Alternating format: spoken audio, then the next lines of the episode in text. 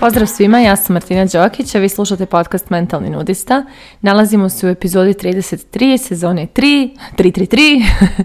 I u ovoj epizodi govorit ću malo o tome kakvi ste, kakav ste sebi roditelj,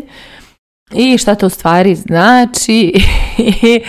ovaj, na koji način to utiče jeli, na naš život.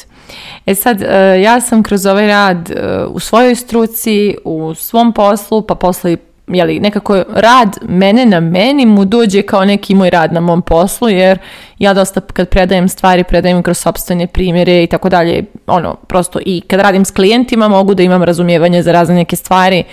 ovaj, jer sam ih i sama proživjela i prošla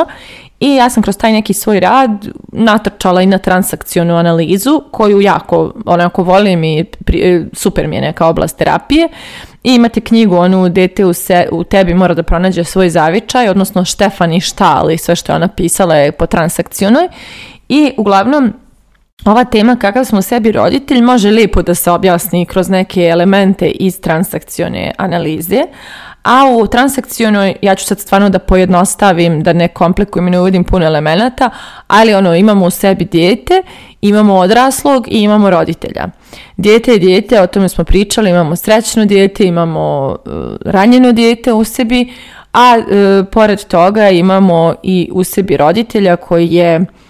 internalizovani glas naših roditelja. Znači kako su se roditelji odnosili ka nama, takav glas mi u sebi imamo koji je naš roditelj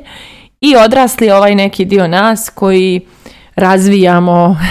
kroz rad na sebi i, i koji onako da kažem neki asertivan, emocionalno inteligentan dio nas. E sad ja ću pojednostaviti još više sve ovo, pa ću reći da imamo u sebi dijete i taj neki glas odrasli koji se bavi nama. I na tome ću zasnovati ove, ovu temu i ovu priču. A kažem, naravno, ovo ima puno slojeva, puno, dubina, puno metodologija se bavi ovim temama, ali evo ja da kažem da onako svedem na neki nivo lakšeg razumijevanja svega. Dakle, e, ja u sebi imam malu Martinu. I mala Martina je vrlo razigrana, vesela, puna nekih ideja, e, radoznala, znači ultra radoznala, e,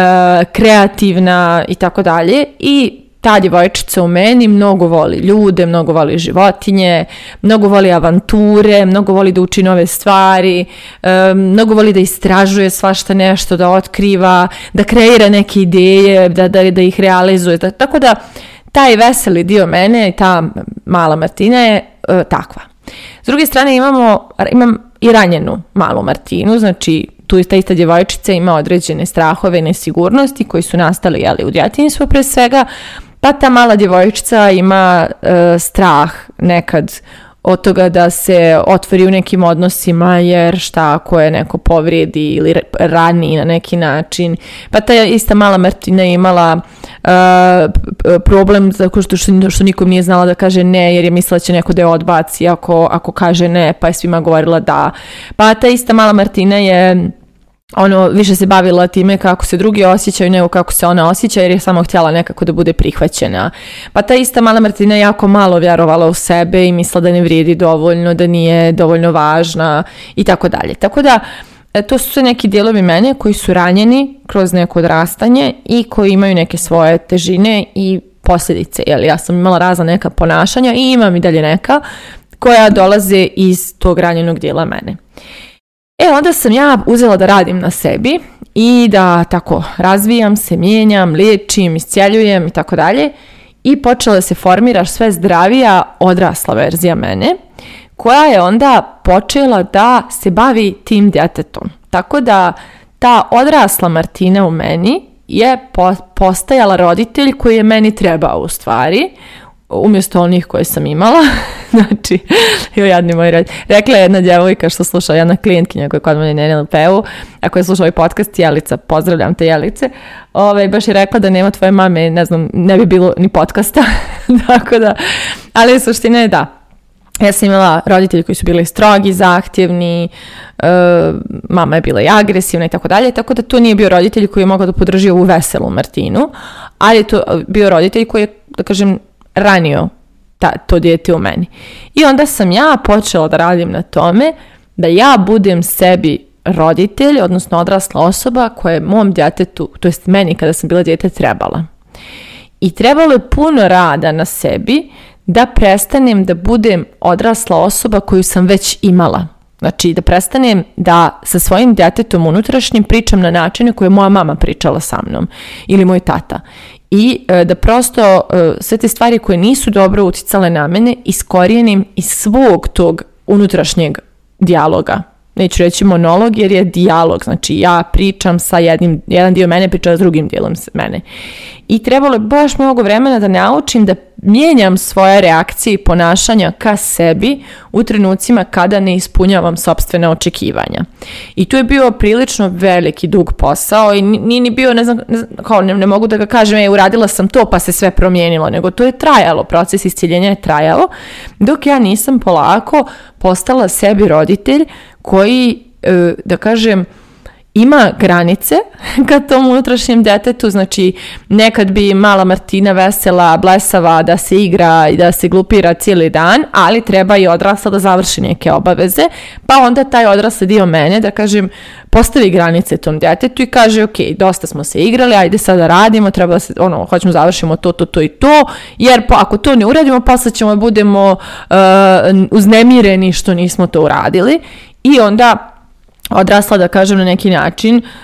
odredi šta je prioritet. Također, kada mala Martina zamisli neki, neku ideju koja njoj super i baš je veseli i raduje, odrasla u meni više nije osoba koja govori pa ne znam ja baš da li ti je to dobra ideja ili ne, ni, glupo ti je to, ne znam kako će što. nego odrasla u meni je sada e, dovoljno jaka da kaže super divna ideja, sada ćemo zajedno da je realizujemo. Sada ću ja da te podržim da zajedno tu ideju realizujemo. I tačno sam... E,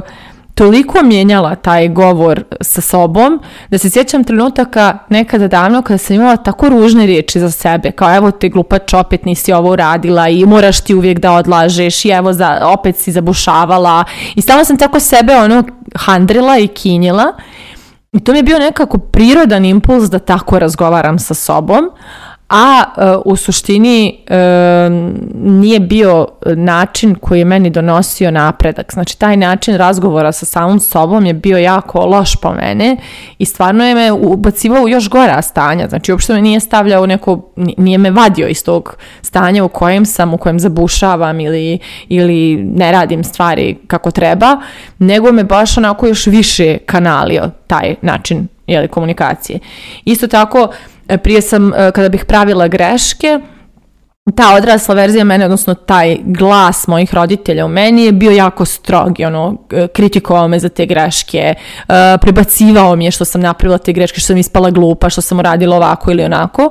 i to je opet stavljalo me u još veće nesigurnosti i još više me onako zatvaralo da, da, da rizikujem, da probam nešto, nego što mi je pomagalo. E sada, na primjer, ja toliko nježnije komuniciram sa sobom, ne toliko nje, nego ja potpuno nježno komuniciram sa sobom i potpuno smireno i sa e, razumijevanjem osluškujem šta se dešava tom djetetu u meni, kad se javi ovo e, veselo razigrano, pa da ga podržim i da ono prosto ispratim te svoje snove, ideje, maštu i sve ostalo,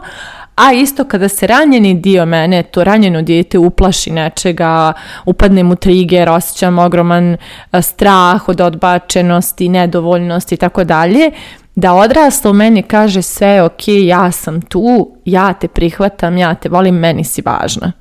Jer u suštini e, našem ranjenom djetetu treba naše prihvatanje. Nije njemu bitno šta će drugi da rade. Mislim, to traženje prihvatanja i ljubavi kod drugih dolazi kao utjeha jer ne dobijamo u sebi to što nam treba. Znači jer kod kuće u nama sami nama nam nije dobro, tu smo odbačeni. Tako da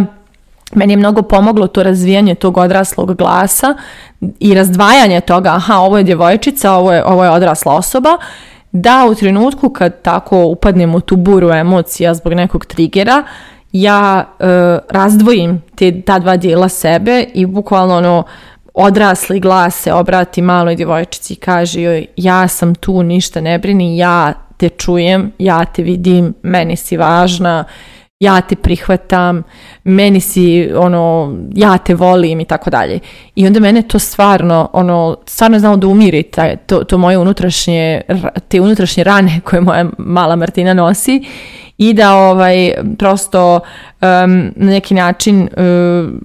utiče prosto da se lakše prolazi kroz to. Ne znam uvijek i ne mogu uvijek i nemam uvijek ono, kapacitete da sama sebe zbrinem. Nekad je toliko jak trigger da ne mogu uopšte da dođem u kontakt sa odraslim dijelom sebe koliko me zavoza neka rana, ali onda imam prijatelje, imam psihoterapeuta, imam razne neke super divne ljude oko sebe koji mogu da me vrate, da me zbrinu i da me vrate u mir i da ja onda ponovo dođem u kontakt sa odraslom Martinom i preuzmem dalje kormilo. E, isto tako, e, odrasla Martina u meni vodi računa i o tom razigranom djetetu nekim e, i, i ponašanjima raznim. Na primjer, postoje trenuci kada mene zavoza i ja bi samo da ludujem, lumpujem, e, čak ima nekih perioda kada onako izlazim pa i pijem alkohol, pa kao svako večer ja nešto pijem alkohol, mislim nikad ja nešto ne pretjerujem, ali, ovaj, ali ono, zareda se tako neki period kad sam tako malo otkačena i onda tačno počnem da primjećujem i kako to utiče na moje tijelo i kako to utiče na moj fokus i kako to utiče negdje na to kako se osjećam u svojoj koži i onda opet odrasla tu reaguje i kaže, ok, sad ćemo sad, o kao super i živjeli smo se, ali aj sad malo, znaš, ono, da se naspavam, da se naspavamo, da jedemo ispravno, da prosto vratimo se u neko dobro stanje, jer počinjem biti razdražljiva zato što sam em, i em, em, ono, svako večer lumpovala, em, ono, ne, ne naspavana sam, em, to, pila sam puno, ono, pila sam alkohol, svako čitačo, počinjem da osjećam efekte koji narušavaju moj celokupni sistem. I to je onda trenutak kada odrasla malo ono zauzda ovaj, tu djevojčicu i kaže joj sve to super, ali sad već se ponašamo na način koji nije koristan za sve nas zajedno, tako je to treba da sada promijenimo. Isto tako, postoji nekad, e, neke stvari koje želim da uradim, ali je li ta djevojčica u meni to nešto smisli, ali se opet i ta nesigurna djevojčica u meni plaši, kao šta ako ne upali, šta ako se ne svidi nekome, šta ako bude glupo, šta ako ovo, šta ako ono. E opet i u tom slučaju odrasla verzija mene uskoči i kaže ništa ne brini, smislit ćemo ja sam tu, evo ja ću da poznajem super ljude koji će da nas podrže u tome, znam s kim mogu da popričam, da nam napravi ono,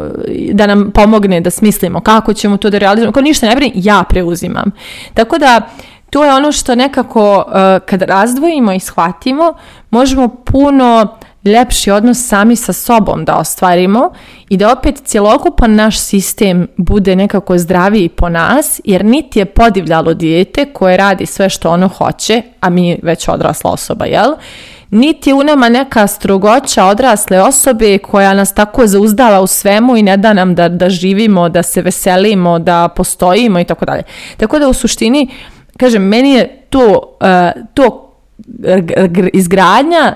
dobrog roditelja sebi, u sebi, jako značila za mnogo nekih e,